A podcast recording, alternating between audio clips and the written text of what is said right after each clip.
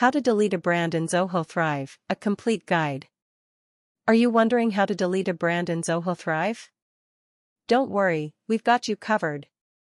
In this comprehensive guide, we'll walk you through everything you need to know about how to delete a brand in Zoho Thrive, including the difference between deactivating and deleting a brand, the impact of brand deletion on existing campaigns and leads, how to prepare for brand deletion, and troubleshooting common issues. By the end of this article, you'll have all the information and step-by-step instructions you need to successfully delete a brand in Zoho Thrive. So, let's dive in and learn how do I delete a brand in Zoho Thrive. Understanding brand deletion in Zoho Thrive. When it comes to managing brands in Zoho Thrive, it's important to understand the difference between deactivating and deleting a brand. Deactivating a brand simply makes it inactive, which means you can still access the data and campaigns associated with it. Deleting a brand, on the other hand, permanently removes it from your account.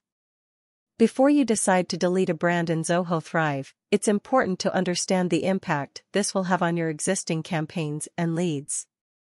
Deleting a brand will remove all associated data, including campaigns, leads, and reports. This means that if you have any campaigns running under that brand, they will stop running once the brand is deleted. All the leads and data associated with that brand will also be lost permanently. It's important to carefully consider whether you truly want to delete a brand in Zoho Thrive, or if deactivating it might be a better option. If you're simply looking to clean up your account, deactivating a brand may be a good option. This will remove it from your active list, but you'll still be able to access any data or campaigns associated with it if you need to in the future. If you do decide to delete a brand, it's important to take the necessary steps to prepare beforehand. This includes reviewing any campaigns or data associated with the brand, and identifying any assets that may need to be transferred to another brand before deletion. By understanding the implications of deleting a brand in Zoho Thrive, and taking the necessary precautions, you can ensure a smooth transition for your campaigns and leads. Preparing to delete a brand in Zoho Thrive. When preparing to delete a brand in Zoho Thrive, it's important to take the time to review all of the data and campaigns associated with it. This will ensure that you don't accidentally delete anything important, and that you can smoothly transfer any necessary assets to a different brand before deletion. Start by reviewing all of the data associated with the brand. This includes any campaigns, leads, reports, or other data that may be tied to the brand. Take note of any campaigns that are currently running and make a plan to either stop them or transfer them to a different brand before deletion. Next, identify any assets that may be tied to the brand, such as email templates, landing pages, or forms. Make sure that you transfer ownership of these assets to a different brand before deleting the original brand. This will ensure that you don't accidentally delete anything important that you may need in the future. It's also important to communicate with your team members about the brand deletion. Let them know in advance that you're planning to delete the brand, and make sure that everyone is on board with the decision. This will help to avoid any confusion or misunderstandings down the line.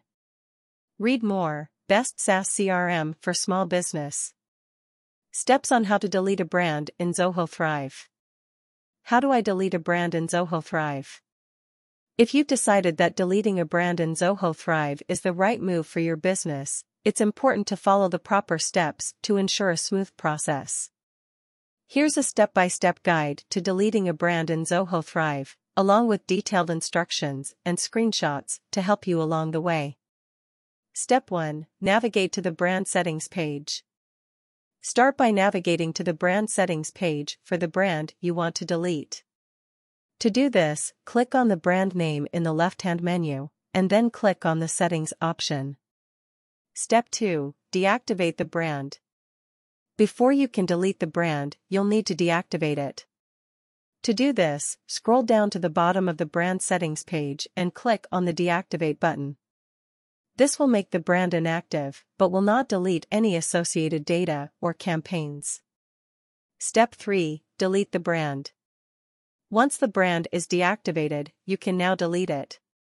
To do this, click on the Delete button located next to the Deactivate button.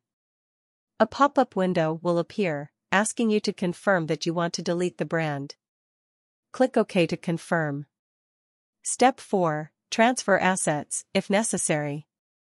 If you identified any assets tied to the brand in the preparation phase, now is the time to transfer them to a different brand. To do this, navigate to the asset in question and click on the Transfer Ownership button. From there, you can select the new brand to transfer ownership to.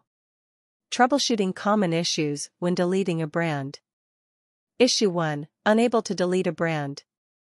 One common issue that users may encounter is the inability to delete a brand. This may be due to the brand still being active in a campaign or workflow, or having outstanding payments due. To solve this issue, you'll need to ensure that the brand is completely inactive and that all outstanding payments have been resolved before attempting to delete the brand.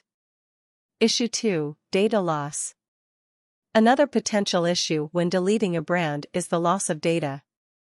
If you accidentally delete a brand without properly transferring ownership of associated assets, you may permanently lose important data. To avoid this issue, be sure to thoroughly review brand-specific data and campaigns before deleting the brand, and make sure to transfer ownership of any necessary assets. Issue 3 Deleted brand still appears in reports. Sometimes, even after a brand has been successfully deleted, it may still appear in reports or workflows. This can be frustrating, but it can usually be resolved by refreshing the page or clearing your browser cache. If the problem persists, reach out to Zoho Thrive support for assistance. To sum up, you have read the guideline about how to delete a brand in Zoho Thrive.